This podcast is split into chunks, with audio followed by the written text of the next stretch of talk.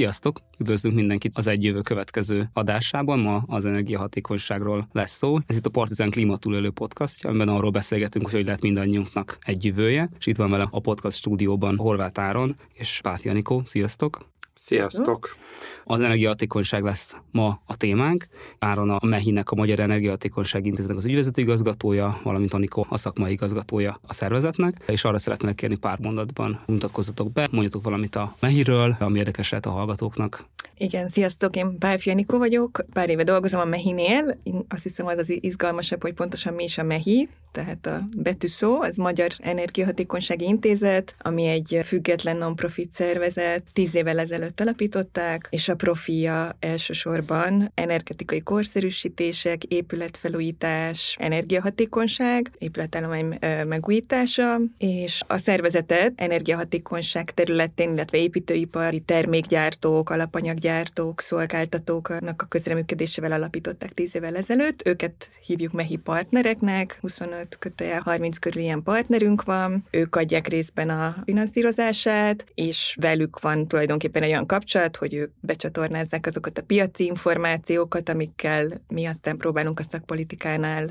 fellépni, és úgymond az energiahatékonysági piacnak a, a jövőjét, a beruházásokat előmozdítani, tehát ezeket az információkat próbáljuk mi össze, összegerebjézni és értelmes módon kihangosítani a szakpolitika számára, illetve nekik szállítjuk viszont a, az abályozási szakpolitikai infokat. Még mondanám, hogy van további két lába legalább a mehinek. Ez mondjuk egy ilyen klasszikus érdekérvényesítési feladat, amit végez a mehi. Szeretjük ilyen think is látni a szervezetet, tehát hogy kutatásokban veszünk részt, elemzéseket végzünk, benne vagyunk nemzetközi projektekben, és akkor végülis ezek a hát közvetlenül uniós forrásból elnyert pályázatok az, amik kétharmad részben körülbelül finanszírozzák a mehi tevékenységét. Világos. És milyen szakmai hátteretek van? Hogyan kerül valaki a mehihez? Mi a foglalkoztató korábban? Mind a ketten közgazdászok vagyunk. Én állami közgatásban dolgoztam korábban, minisztériumot megjártam, és aztán hosszabban a közmű és energiaszabályzási hivatalban piacelemzéssel foglalkoztam, illetve én ott kezdtem energiahatékonysággal foglalkozni. Sziasztok, én meg Korvát Áron vagyok, én szeptembertől vagyok mehés, akkor egy kicsit én is rácsatolnék arra, amit mondott Anikó, hogy három tevékenysége van, amelynek érdekképviselet. Mondjuk az, hogy amikor kijön egy jogszabály, aminek mégis van azért valamilyen társadalmi véleménynek bocsájtása, akkor mi érvelünk amellett, hogy így jöjjön bele a korszerűsítés, felújítás, tehát kijött a csok plusz, amiből lehet venni, bővíteni, de nem volt nevesítve a korszerűsítés. Mi írunk, hogy így a minisztériumnak, hogy szerintünk az fontos, és legyen benne. Akkor a másik, hogy például van ez a think tank szakmai tudást gyűjtő, disztribuáló tevékenység. Ott nemrégiben szeptemberben jelent meg egy tanulmányunk arról, hogy a 4,5 millió magyar lakásnak hogy néz ki energia igény szempontjából a megoszlása, mint múlik, milyen állapotban vannak, és akkor mondjuk a harmadik, ez a lakossággal való kapcsolattartás, meg a lakossági energiahatékonysági döntéseknek a tudatosítása. Ott van nekünk majd olyan, amiről reméljük lesz hosszabban szó, a Renopont hálózat, de azért vannak olyan kisebb dolgok, és hogy van téli kampány, azért mindenki figyeljen oda, hogy légtelenítsen radiátort, csak akkor fűtsön, amikor muszáj, és ott tölti az időt eléggé sok hasznos és szertágazó tevékenységetek van, és ezért is gondoltuk, hogy az energiahatékonysággal foglalkozó részbe tökéletes lenne, hogy ha itt lennétek, és örülünk is, hogy elfogadtatok a meghívást. Ez egy eléggé méltatlanul kevés figyelmet kapó téma, amit az elmúlt pár évben kezd akár a nemzetközi, akár a hazai szakmai és közvélemény jobban felkarolni. Ja, van az közhelyig ismételt mondás, hogy a legklímasemlegesebb, a legtisztább és nagyon sokszor a legolcsóbb energia, és az, az energia, amit nem fogyasztunk el,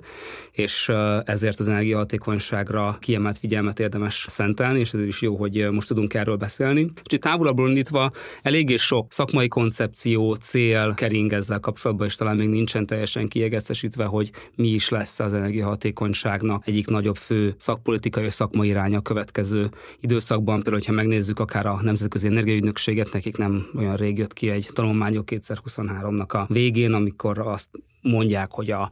net zero célok elérése érdekében 2030-ra érdemes lenne a globális energiaintenzitás javulást kétszeresen meggyorsítani, tehát azt a egységnyi GDP-re vetített energiafelhasználást kenteni, amit 2022-ben mértek. És nyilván minden országban ezt máshogy érhető el. Valahol ipari elektrifikációval, valahol ledesítéssel, valahol hossági energiahatékonysággal. Ti hogy látjátok Magyarországot? Mi a helyzet Magyarországon? Hova érdemes a, a hangsúlyt helyezni? Mi van a legnagyobb potenciál? Hogyan közelítenétek meg ezt a kérdést, közép és távoli célok elérését? Szerintem a célok előtt még ezért érdemes egy kicsit képbe kerülnünk, hogy így hol tartunk most, és akkor uh-huh. ahhoz mondanék egy-két ilyen dolgot, amit megnézegettem KSH oldalról, hogy pontosabb számokat tudjunk mondani. Felmerül az a kérdés, hogy ez a miért önálló téma, meg miért fontos. Tehát, hogyha megnézzük azt, hogy Magyarországon mennyi energiát kifogyaszt el, akkor azt látjuk, hogy körülbelül az elfogyasztott energiának egy harmada az az otthonainkban megy el a lakásokban, és akkor ez a 33 3 ez ahhoz mérhető, amit az ipar elhasznál, vagy amit így az összes közlekedésre elhasznált energia, és ezért nagyon fontos ezzel foglalkozzunk, és gondoljuk át, hogy ezt mennyire hasznosan, hatékonyan használjuk, és hogyan tudnánk csökkenteni. Ennek a 33% ának a legnagyobb részét ezt fűtésre mhm. használjuk, uh-huh. nyilván vannak elektromos berendezések, meg főzés, meg melegvíz, de általában egyébként, ami a lakossági energiahatékonyságról eszébe szokott jutni a embereknek ez a tudatos fűtés. Ez Magyarország esetében ez egy kirívó szám, hogyha nemzetközi összehasonlítást nézünk? Szerintem elég kevesen gondoltak hallgatók közül arra, hogy a lakossági fűtés az ennyire jelentős, akkor a potenciállal bír, tehát nagyon érdemes ezzel a területtel kiemelten foglalkozni. Hát igazából pont a magyar lakosságra veszített energiafelhasználás összességében még azt gondolom, hogy alacsonyabb, mint mondjuk Nyugat-Európában, tehát kisebb kocsikkal járunk és kisebb lakásokban élünk, de pont a fajlagos fűtési energia felhasználás, tehát hogy az emberek mennyit használnak fűtésre, az viszont kiugróan rossz nemzetközi összehasonlításba, hogy 1,6-szorosa ez a fajlagos energiaigény felhasználás. Ez egy négyzetméterre jutó? Kilovattóra. Kilovattóra, kilovattóra per négyzetméter. Per négyzetméter. Tehát, hogy, hogy pont a fűtés területén úgy tűnik, hogy nem állunk jól, csak egy kicsit oda visszacsatolnék, hogy ugye, amit a bevezetőt bekezdtél, hogy mik azok az evidens területek, amit adódnak arra, hogy akár egy ilyen IEA által megfogalmazott cél irányába Európa is menetelje, hogy megújulók, elektromos autó, tehát hogy egy csomó sajtóban is naponta szereplő intézkedés van, ami meg közszájon forog, hogy, hogy miket lehetne tenni annak érdekében, hogy kevesebb energiát, illetve kevesebb kibocsátást eredményezzen a, a gazdasági tevékenység, és hogy azt mondom, hogy ezek nem vagy, hanem mind, tehát hogy, hogy nyilván itt a fő energiafogyasztó szektorokban mind van tennivaló, és hogy bizony az ipar energiaintenzitása is Magyarországon az elmúlt években pont, hogy, hogy növekedett, és a közlekedés terén is ilyen romló tendenciát lehet megfigyelni, de hogy, hogy egy kicsit visszább lépünk, hogy a mehinek a tevékenység azért mi alapvetően az épületekre és a lakossági fogyasztásra van, abban van a mi fő érdeklődésünk, hogy azzal foglalkozunk elsősorban, és akkor még azt kiemelném, hogy az energiahatékonyság olyan szempontból is egy ilyen jó kis jolly joker, hogy persze fontos ez, hogy, hogy mennél kevesebb energia energiát fogyasszunk, de hogy pont a klímavédelmi céloknak is ugye egy ilyen nagyon erős eszközeként tekintenek rá az európai döntéshozók is, tehát hogy nem véletlen, hogy az IEA most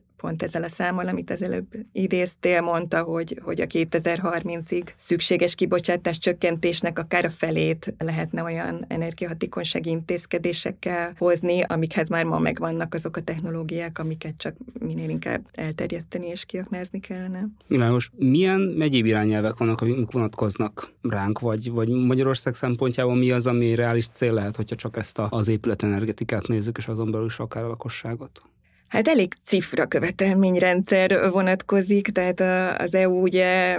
elég ambiciózus célokat tűzött ki a 2050-es klímasemlegesség tekintetében, és hogy, hogy lezajlottak ezek a COP tárgyalások, meg gyakorlatilag minden évben nemzetközi szervezetek is erről úgymond öblögetnek, én úgy hívom, tehát hogy, hogy igazából nagy kötelezettségvállalást nem tesznek, viszont sok, sokat beszélnek róla, de hogy ilyen szempontból az EU talán élen jár, még hogyha azt tudjuk is, hogy a globális kibocsátásokban ugye az EU-nak a szerepe azért azért nem a legjelentősebb, vagy nem, nem a legnagyobb játékosok közé tartozik, de hogy, hogy úgy tűnik, hogy különösen az elmúlt években a bizottság meg az európai döntéshozók ezt igenis fontosnak tartják, és, és hát egy nagyon komoly csomaggal próbálják ezt a bizonyos 50-es klímasemlegességet elérni, vagy valóban átfordítani jogszabályok kikényszerítő mechanizmusokra. Na és akkor ez az úgynevezett Fit for 55-ös csomag, ami azt szolgálná, hogy, hogy 2030-ig Európa 55%-kal csökkentse a kibocsátásait. Ez van összhangban azzal a, azzal a bizonyos Párizsi klíma megállapodással, ahol az összes részvevő fél elkötelezte magát a másfél fokon belüli felmelegedés mellett. Ezt a csomagot tudom, évek óta küzdi ki magában az Európai Unió, és hát számunkra, vagy így az épületenergetika, energiahatékonyság tekintetében a két legfontosabb, de azt gondolom, hogy már egyre inkább húsba vágó irányelv, vagy ilyen szabályrendszer az energiahatékonysági irányelv és a, az épületek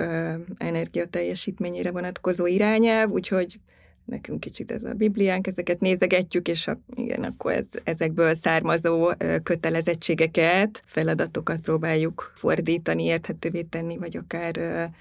becsatornázni azokat a szempontokat, amivel majd a szakpolitika akkor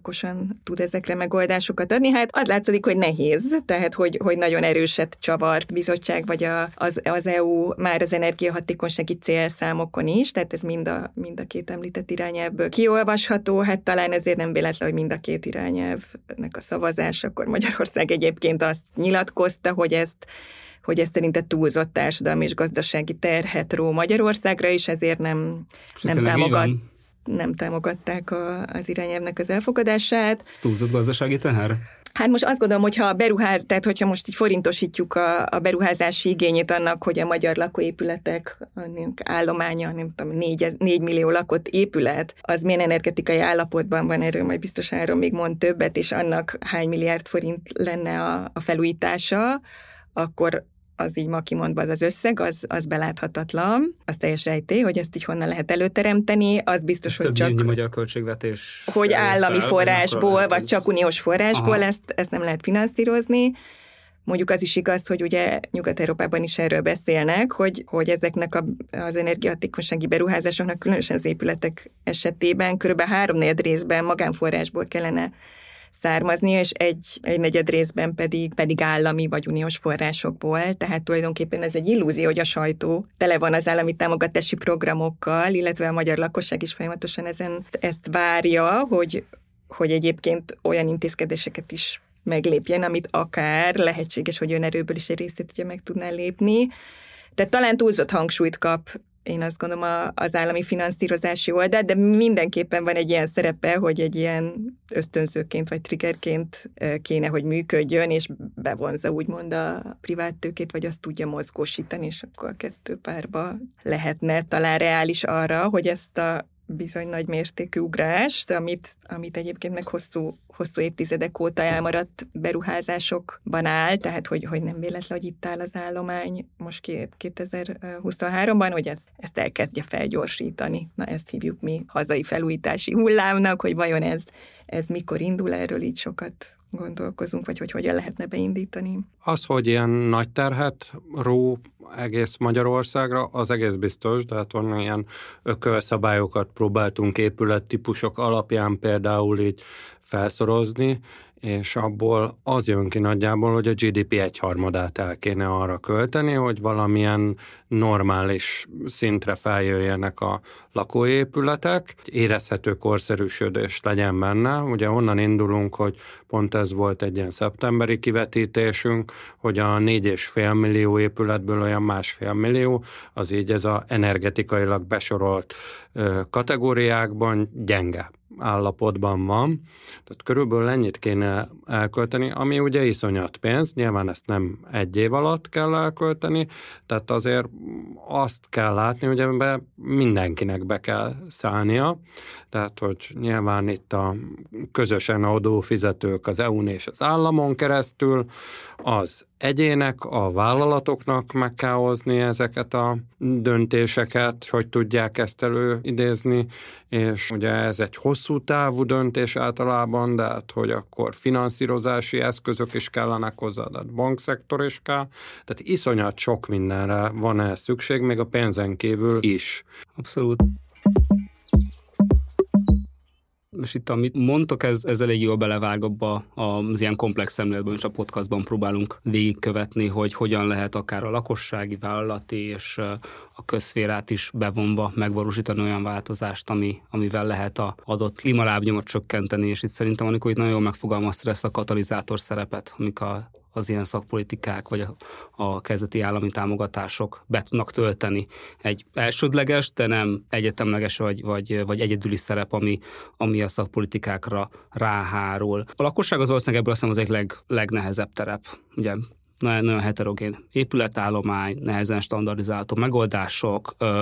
itt családi házaknak a nagy része, amit ha jól értem, van a legrosszabb besolási kategóriában, legnagyobb mennyiségben, tehát minden projekt, minden épület más és más, ez egy nagyon nehezen megfogható kérdés. Mit gondoltok, hogy mik egy, egy jól megtervezett lakossági energetikai szakpolitikai programok az ismérvei, hogyha ez ennyire fontos, hogyha ez a katalizátor, hogyha ezzel kell kezdeni, nem is ennek kell több pénzt beleadnia, de ennek kell jól összerakottnak lennie, akkor hogyan érdemes ehhez hozzáállni? Hogy lehet megfelelően ösztönözni, megfelelően könnyű feltételeket szabni, és ugyanakkor támogatónak lenni, hogy egy olyan nehezen bevonható, mobilizálható érintetti csoport, mint a lakosság, az, az, az megmozduljon. Hát hadd induljak így messzebbről egy kicsit, hogy akkor, hogyha átgondoljuk azt, hogy mind múlik akkor végül is ez az elhasznált energia, amit az otthonainkban használunk. Hát ugye van egy klíma része, ugye, hogyha hidegebb van, akkor többet kell fűteni, ezzel egyéni szinten nem nagyon tudunk mit kezdeni rövid távon.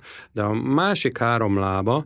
az az, hogy milyen épített jellemzői vannak az otthonnak, amiben lakunk, az az, hogy milyen viselkedést tanúsítunk benne, hogyan figyelünk oda dolgokra, és az, hogy így milyen energiaforrással állítjuk elő ezt a felhasznált energiát, ez tökre múlhat rajtunk. De, de változó mértékben egyébként, már hogyha akkor visszamegyek, milyen magatartást tanúsítunk, akkor Például ugye lehet az, hogy akkor nyáron is ugye szoktuk mondani, hogy lehúz, le lehet húzni a redőnyt, és akkor az is szigetel, akkor kevesebb klímát kell használni. Tél előtt légtelenítjük a radiátorokat, bútorokat nem tolunk radiátor elé. Ezek a jellegű dolgok, akkor elértünk most a katalizátor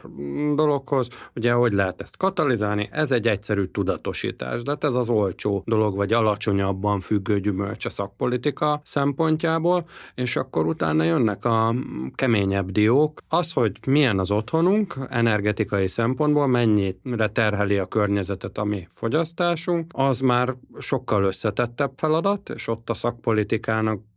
is abban is van szerepe, hogy segítsen megérteni, hogy mit lehet vele csinálni, meg abban is, hogy ez valószínűleg azért a magyar háztartások nagy részének nem fog saját büdzséből menni, tehát ott már pénzről is beszélhet a szakpolitika, és akkor a harmadik, ugye az meg, hogy használt energiaforrás, talán ez a sztori van most leginkább energiahatékonyság szempontjából mindenkinek a tudatába, de hát, hogy napelemet ki szereljen fel, és hogy szereljen fel, abban is látjuk, hogy egy támogatási rendszer az egyébként így meg tudja mozgatni a lakosságot, és egy jól tervezett szakpolitikával lehet célozni és eredményeket elérni. És egy csomó ilyen szabályozási eszköz egyébként rendelkezésre áll, ami különösebben nagy beruházási igényel nem bír, tehát kell mondjuk egy jogszabályt hozni róla, tehát hogy, hogy, hogy szabályozási oldalról kezelhető, például ilyen a, ugye egy, egy megerősített tanúsítási rendszer, ami itthon azt gondolom, hogy viszonylag jól működik. Most erről sokat van szó itt az idézett új irányelvekben is, ugye, hogy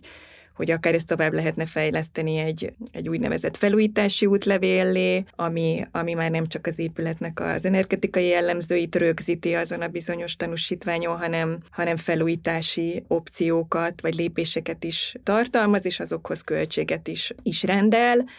és hát különösen kis hazánkban ugye az, az is fontos lenne, hogyha ez tél valóban egy hatóság, vagy valamilyen állami aktus ehhez kapcsolódna, hogy ez bizony ki is van követelve, és tehát, hogy nem, nem pusztán mondjuk egy jogszabály van arról, mert most a, egyébként az irányelv csak önkéntes bevezetését mondja ennek a felújítási útlevélnek, de hogy, hogy ez is egy példa arra, hogy egy, egy viszonylag egyszerű eszközzel azért sokat lehetne tenni a, a tudatosítás irányába. Igen, szóval szerintem itt érdemes lenne a, a felújítási útlevelet egy kicsit jobban körülünk, hogy mi van mögötte pontosan. Szóval az, hogy mennyi energiát fogyasztunk el otthon, azt ugye a legegyszerűbben az embernek az az első gondolat, hogy nézzük meg, hogy így mennyi volt a villanyszámlája, meg a gázszámlája. Na de akkor nem biztos, hogy jól össze tudjuk hasonlítani két olyan családot, akinek az egyik otthon van, kisbabával egész nap, sokat főz és sok meleg vizet használ. Egy olyannal, aki meg ritkán van otthon, lehet, hogy így el is utazott két hónapra külföldre dolgozni, vagy a kollégiummal, akik az egyik szobát már nem fűti, már nem járnak haza, és emiatt az a megközelítés kezd azért most dominánsá válni, hogy magát az épületet hasonló felhasználási körülmények között bíráljuk el, ez az energetikai tanúsítvány. Uh-huh. Emögött van egy ilyen műszakilag kidolgozott, gyakorlatilag szimulációs alapú dolog, hogyha 21 fokot akarunk otthon tartani, Magyarország klímaviszonyai között, akkor különböző anyagokból különböző ablakvastagságokkal adott padlásszigetelés mentén mennyi energiát kell elhasználni arra, hogy tartsuk ezt a 21 fokot, meg melegvizet tegyünk, meg nyáron esetleg hűtsünk, és akkor Utána még ebből egyébként azt is megcsináljuk, hogy megnézzük, hogy mik az energiahordozók, és az energiahordozókból ugye, hogy ezt most árammal állítjuk elő a szükséges energiát, vagy gázzal, abból még lehet ugye széndiokszid kibocsátást is számolni. És ez egy szépen alakuló irány, a, amire sok szabályozást ráfűznek. Abból a szempontból például egész jó, hogy itthon is már ennek a 4,5 millió lakásnak egy olyan 20%-ára van ilyen tanúsítvány, amiből sok minden kiderül. És akkor ez a tanúsítás az, amin a EU mindig gondolkozik, hogy hogyan lehet még tökéletesíteni, például hogy ösztönözni akkor jobban felújításra az embereket, amiket Anikó elkezdi mindjárt mondani, hogy akkor hogy lesz ebből útlevél, és hogyan lehetne még több mindenre használni. Ez a bizonyos épületenergetikai irányelv írja ezt elő a tagállamoknak, hogy, hogy bizony próbáljanak ezen gondolkozni, hogy akár a meglévő ilyen tanúsítási rendszereiket, akár nulláról elkezdve éljenek ezzel az eszközzel, amit ez a bizonyos felújítási útlevél nyújt, ami egy épületre vonatkozik, és akkor a Áron által elmondott információk mellett ami gyakorlatilag egy ilyen műszaki látleletét adja az épület energetikájának, tartalmazzon ez a, ez a dokumentum tulajdonképpen a további információkat, ahogy mondtam az előbb arra vonatkozva, hogy, hogy milyen felújítási lépések indokoltak, azokat milyen sorrendben érdemes végrehajtani, és hogy nagyjából ezekhez milyen költség, költségek társulnak, és akkor ennek az, nem tudom, a, a nagy hozadéka az az, hogy egy mély felújítást, amit a szakzsargon így hív, hogy egyszerre gyakorlatilag egy lépésben meglépni az összes felújítási intézkedést, azt azért az jellemzően nagyon drága, és hogy a legtöbb háztartás ezt nem tudja kigazdálkodni, de, de hogy teljesen indokolt az, hogy a felújítási lépések akár 5-6-7 éven belül zajlanak le lépésenként, történjenek meg, csak értelmes sorrendje legyen a, ezeknek a, a lépéseknek, meg egymásra épüljenek, ez, ez műszakilag leírható, hogy mi ez az indokolt sorrend, és hogy bizony ez az útlevél ezt rögzíteni, hogy amikor a társasházi közgyűlés, nem tudom, 2000 meglépett mondjuk egy, egy intézkedés, mondjuk lehőszigetelt az épületet, ami mondjuk már egy elég nagy dolog, vagy legköltségesebb tétel, akkor négy év múlva el, újra elgondolkozik, hogy a társasház által össze spórolt pénzt, azt mire gyűjtse, akkor nem ott adhok találják ki a társasházi közgyűlése, hogy szerintük mi lenne legjobb, hanem ez egy dokumentumban le van fektetve, hogy mi az az indokolt lépés, amit most... Ebben az útlevélben? Igen, akkor, tehát aha. ezt tartalmazná ez az útlevél. És akkor még egy kicsit hadd csatlakozzak oda, hogy csak hogy kérdezted, hogy akkor milyen egy ilyen jó támogatási uh-huh. rendszer, és hogy, hogy egy kicsit ilyen szakpolitikább, vagy szakpolitikusabb szemüvegen keresztül nézve, az biztos, hogy akármennyi pénz is áll rendelkezésre, ugye azért itt az uniós forrásokra most sokat lehet olvasni, hogy akkor jönnek, nem jönnek, azért vannak költségvetési források, vannak kvótabevételek, tehát hogy össze lehet gerebézni egy pár száz milliárdot tulajdonképpen, amit a, a közeljövőben energiahatékonyságra vagy épületfelújításra is tervez fordítani a, az állam, és hogy a, a legfontosabb az egy ilyen paraszti józanész dolog lenne, hogy ezek a források úgy állnak rendelkezésre, vagy úgy allokálják, aztán ki, vagy úgy csorgassák bele egy ilyen támogatási rendszerbe, hogy ez kiszámítható. Ez, ez, erről rengeteg visszajelzést kapunk mi is akár a partnerektől, tehát a piaci szereplőktől, hogy ez ilyen stop and go típusú támogatási rendszerek, ami egyik évbe bedob, nem tudom, x milliárdot a rendszerbe, előtte mindenképpen ilyen hosszabb kivárási fázist indukál, utána akkor meglendíti a keresletet, akkor felhagyja az árakat, tehát hogy, hogy mindenféleképpen egy ilyen rángatozást visz a rendszerbe, és hogy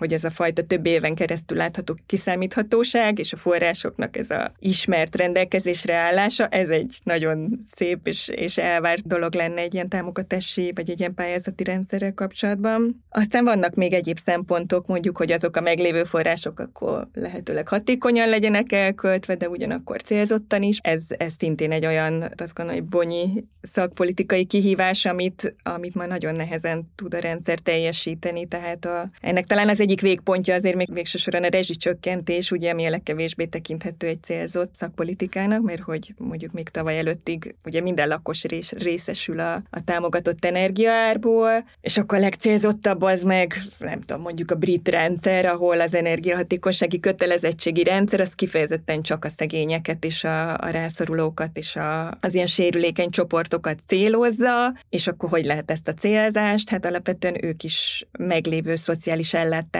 ellátórendszernek a, az elemeit használják, tehát aki, nem tudom, van 13 féle jogosultság, hogy aki özvegyi nyugdíjra jogosult, vagy munkanélküli munkakeresési járadékra, az akkor van egy lista, és ha már egyre jogosult vagy, akkor jogosult vagy abban a támogatási rendszerben részt venni. Szóval ez a célzás, ez, ez egy nehéz kérdés, amit szerintem itt itthon is nehéz megoldani. Ráadásul az, hogy van ugye egy szociális ellátórendszer, de hogy, hogy ez az egész uniós jogszabálycsomag is egyre inkább azt kéri, hogy pont az energetikai jogszabályokba is ez a szociális szempont fokozottan épüljön be, mert hogy hogy ennek a bizonyos Fit for 55-ös jogszabály csomagnak is az egyik nagy prioritása, hogy ez a zöld átmenet, ez bizony úgy menjen végbe, hogy, hogy a szegények vagy a, a rászorulók azok ne legyenek ennek a zöld átmenetnek a kárvallottjai, és hogy akkor ő rájuk külön, külön kell fókuszálni, és külön támogatási programokat indítani az ő számukra.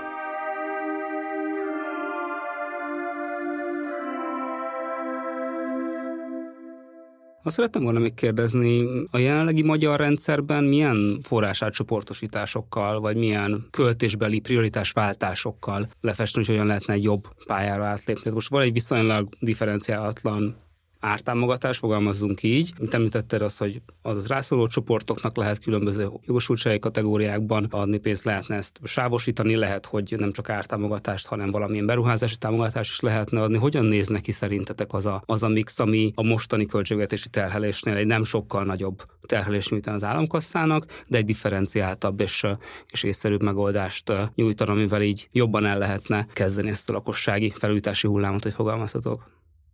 És a legegyszerűbb kérdést tettem fel a világon amúgy, tehát ezt tudom én Igen, is. tehát itt van, itt van a zsebünkben az optimális Igen. támogatási rendszernek egyébként a receptje, de nem. Hát én azt gondolom, hogy, hogy amíg rezsicsökkentés van, addig nagyon nehezen lehet lakos, nagy mértékű lakossági támogatásokról beszélni, tehát egyszerűen ugyanab, tehát hogy így csorog ki alul, és akkor fölül belepumpáljuk, tehát hogy ez így nem, én azt gondolom, hogy ez nem tud egyszerre működni, és hogy már jogilag is, meg minden szempontból, nem tudom én, európai energia, versenypiac szempontja, tehát egy csomó szempontból az EU sem már ezt régóta kéri, hogy ezt Magyarország vezesse ki, de hogy, hogy tulajdonképpen ez egy ilyen, hát egy jó eszköz arra, hogy valóban megvédjük a lakosságot és bizonyos szempontból ad is ugye egy védelmet a, az energiaáraknak a, az ingadozása ellen. Az is viszont látszódik, hogy ez így pénzügyileg nem fenntartható, és hogy, hogy mégis akkor a jó irány mindenképpen az energiahatékonyságnak úgymond az ellensége, vagy nem tudom, tehát hogy azt, azt mindenképpen ellen, ellen dolgozik annak, hogy, hogy, hogy az emberek minél hamarabb ilyen beruházási döntések mellett döntsenek. Igen, de hát, hogy itt igazából önmagában is iszonyat nehéz ez a mm, rendszer, mind egyéni szinten, mind állami szinten. Tényleg az, hogy egyéni szinten, én lakáspiacos oldalról jövök sok adatban, az olyan trivialitás, hogy vannak, akik azért vesznek új lakást, mert nem akarnak így a felújítással bajlódni, meg átalakítással, mert az milyen bonyolult, meg csak, csak vállás lesz belőle, hogyha a család költözik, és akkor összevesznek majd rajta. Na most egy ilyen jellegű dologgal kell szembenézni, amikor valaki korszerűsít. Tehát tényleg sok család életében, sok ember életében ez, ez az élet egyik legnagyobb projektje lenne, de hát hogy, hogy ott olyan bonyolult. Na most állami szinten szintén olyan bonyolult, hogy, hogy, hogy azért itt nagyon nehéz okosnak lenni, mert hogy rettenetes sok pénzt kell el költeni, és nagyon hamar beleütközik az ember, ugye érték problémákba, hogy most kit segít, kit nem, de hát, hogy például a hatékonyság, meg az igazságosság, vagy méltányosság szempontjai, ha csak például ott hamar összeütköznek, hogy mondjuk lehet, hogy tökre egyszerű lenne, meg példa is van arra, hogy a korábbi panelprogramokban nem szigetelt paneleket tök jól le lehet technológiailag szigetelni, tudjuk, hogy mit kell velük csinálni, és egyébként elég nagy megtakarítás elérhető benne, de hogyha ebbe beszáll az állam és ad erre támogatást, akkor vajon igazságos-e az a városban lakó, amúgy így elég jó életkörülmények közötti lakótelepi lakosokkal szemben mm, versus a családi házban egyébként egy olyan kisebb településen lakókkal szemben, akiknek meg így azt mondjuk, hogy így ugye többe kerülne meg célzottabb állami támogatással, meg bonyolultabb korszerűsítési munkával lehetne rajtuk segíteni, de ők maradnak ki. Szóval minden szinten nagyon bonyolult, és ráadásul tulajdonképpen, ha kettő nagyon kemény dologba belezárta magát talán az itthoni politika. Az egyik az ugye az a rezsicsökkentés, ami gyakorlatilag egy társadalmi konszenzus, a, ami most van, tehát hogy e, megszületett a, a döntés, és ezt, ezt maximálisan ugye a szavazók ezt, ezt értékelik, ezt tudjuk egy csomó mindenből, de hát tényleg itt az elején mindig felmerül, miért közgazdászok beszélnek ilyen energetikai kérdésekről, az olyan közgazdászok ugye tudják már megtanulják második évfolyamon azokat a dolgokat, hogy így ez a inkább halászni tanítsuk az embereket, mint uh, halat adjunk nekik dologban, de hát hogy a rezsicsökkentésben halat adunk nekik, és mi meg ugye amellett érvelünk, hogy azért, hogyha meg kell tanulnunk halászni, már, mert nagyon sokáig lesznek velünk ezek az a, a dolgok. A másik ilyen korábbi dolog, ami miatt szintén egyébként nagyon súlyos döntésekkel kell szembenéznünk, meg nehéz, hogy, hogy Magyarországnak a gázinfrastruktúrája pedig, pedig jó. És igazából a széndiokszid kibocsátás szempontjából ezen is el kell gondolni, hogy akkor inkább ugye a gázról a megújulókra hogy tudunk átállni, az is egy ilyen költséges döntés, szóval csupa-csupa nehéz, nehéz döntéssel kell minden szinten szembenézni hogyan működnek ezek a Renault pontok. Ugye ez egy, ez egy szerintem nyugodtan erről is meséljünk egy kicsit, vagy mondjatok el, hogy mik van mögöttem, mennyire érzt hasznosnak, most már ideje futnak, hogy látjátok a, az eredményeiket. Az a gondolat a Renault pontok mögött, amiket ilyen európai szakzsargonban USS-ek, One Stop Shop modell felújítási tanácsadásnak szoktak hívni, hogy tényleg ez az egyéni szinten rettenetesen komplex döntéshez kell valami segítség és még azelőtt kell valami segítség, vagy annál átfogóbb segítség is kell, hogy az ember kihívja a szakembert, és akkor megkérdezi, hogy na akkor ide milyen ablak férne be, és akkor az mennyibe kerül. Hanem ennek van egy energetikai lába, de hát, hogy ha ezt meg azt megcsinálom, így úgy korszerűsítek, akkor nagyjából mennyivel kevesebb energiát fogok fogyasztani, amit ugye át lehet aztán rezsiköltségre számolni. Van egy pénzügyi lába, hogy itt tök nagy beruházás, és akkor ezt hogy tudom összerakni, ugye hitelből, támogatásból, lakástakarékos megtakarításból, és mennyi önrészt kell beleraknom, és akkor majd így a csökkent rezsimből mennyivel többet tudok megtakarítani, amit a hitel visszafizetésre fordíthatok. Van egy jogi része sokszor, de hát, hogy ez akkor például a társasházban lakom, akkor hogy tudom rávenni a többi lakót, mi van, hogyha csak 60%-a van benne a lakók autóknak egy korszerűsítésben, és hát van egy ilyen, tényleg egy ilyen készfogó szerepe is, a, ez a stresszes és bonyolult út során valaki elkíséri felújításba belevágó szemét, úgyhogy ez, ez a gondolata egyablakos tanácsadás, meg a Magyarországon a Mehi által kidolgozott Renault pont hálózat mögött. Valahogy az embereket indítsa el ezen az úton, és közben is kísérje el. És nyitottak rá az emberek, hogy jönnek a Renault pontokra?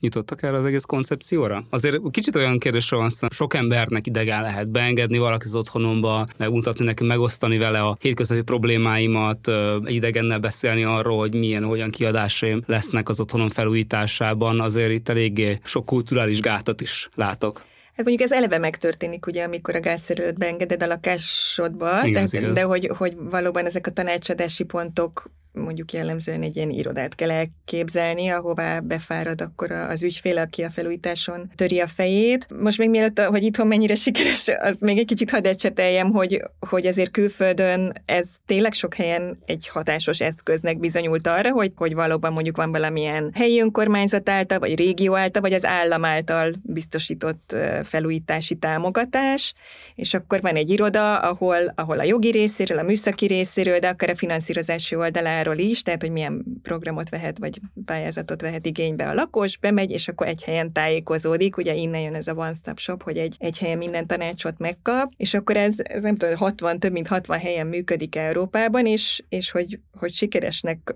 mondható, és akkor különböző fázisai vannak, tehát hogy egészen mondjuk a legegyszerűbb módja ennek, hogy csak bemegy, és akkor tanács tanácsot kap, és akkor nem tudom, az ő kérdéseivel kapcsolatban eloszlatják a, a kételyeket, hogy ő most akkor mit csináljon,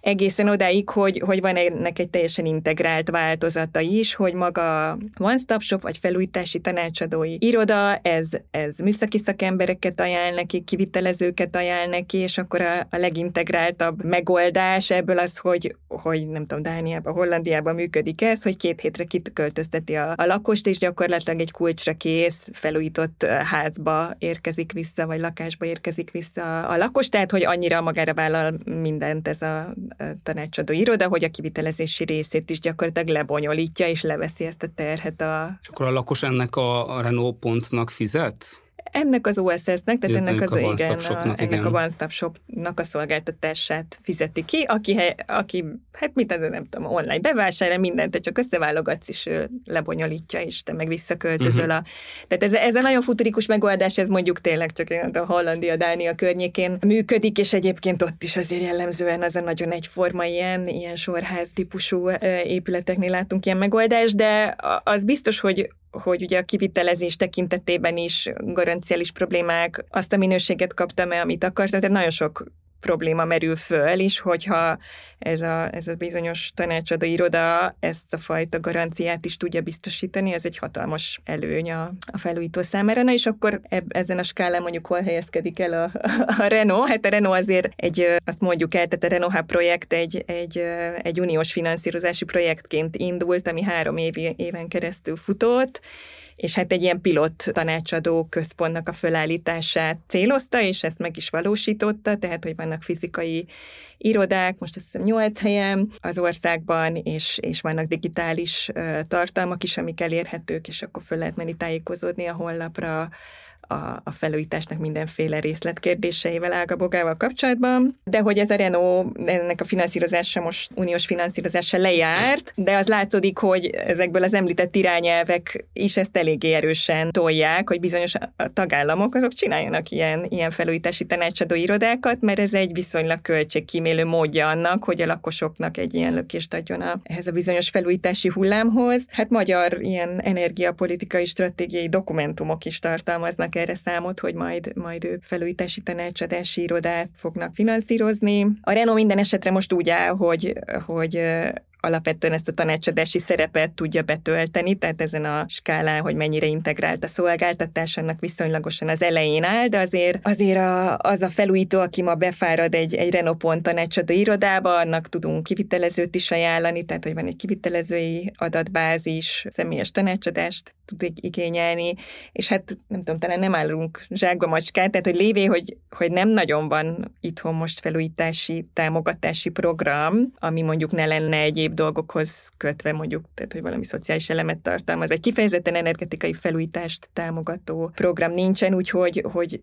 a felújítók hordái nem kopogtatnak a, a Renault irodáknak a, az ajtaján. Mindig vannak érdeklődők, de hogy, hogy nincsenek azért azok, az, az a tömeg, tehát ugye ez látszódik egyébként a statisztikákból is, tehát hogy pláne így félig meddig a recesszióból kilábalván, tehát hogy az új, új építések is azért nagyon visszaestek, és ilyenkor a felújítási hajlandóság is ezért jelentősen visszabesik. Az a tapasztalatunk a Renopontokkal kapcsolatban, hogy azért úgy önmagában az emberek, hogy hirtelen támad egy ötletük, vagy így ezt hosszú távra terveznének, abból nem nagyon jönnek be. Inkább, amikor van egy támogatási rendszer, amiről hallanak, vagy olyan élethelyzetbe kerülnek, hogy például akkor a rezsicsökkentés csökkentésénél átkerülnek magasabb ár kategóriákba, akkor megfogalmazódik benne a dolog, és akkor bejönnek és kérnek tanácsot, de azért összességében szerintem úgy mondanám, a vége felé már a beszélgetésnek, hogy ez egy szükséges, de nem elégséges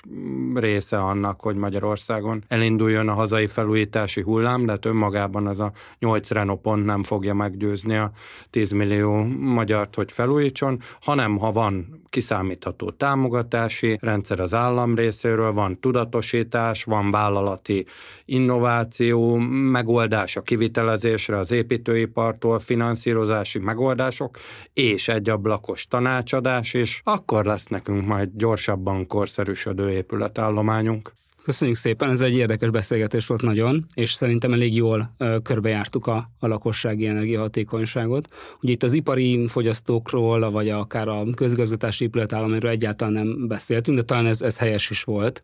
Ugye a korábban a beszélgetés elején említett potenciál miatt, tehát ebből a szempontból ez egy fontos eleme az épületenergetikának, hogy a lakossági épületállományjal valami történjen strukturálisan. Ugye valószínűleg ott van a legkevesebb tudás erőforrás arra vonatkozóan, hogy hogyan lehetne abban valamilyen javulást elérni. Majd lehet, hogy az iparról beszélgetünk egy másik másik adásban, de most szeretném megköszönni, hogy itt voltatok, és a hallgatóinknak is köszönjük szépen figyelmet. Hogyha tetszett az adás, akkor támogassatok minket Patreon csatornán, és várunk titeket legközelebb. Sziasztok! Köszönjük a meghívást, sziasztok! Köszönjük, hogy meghívtatok!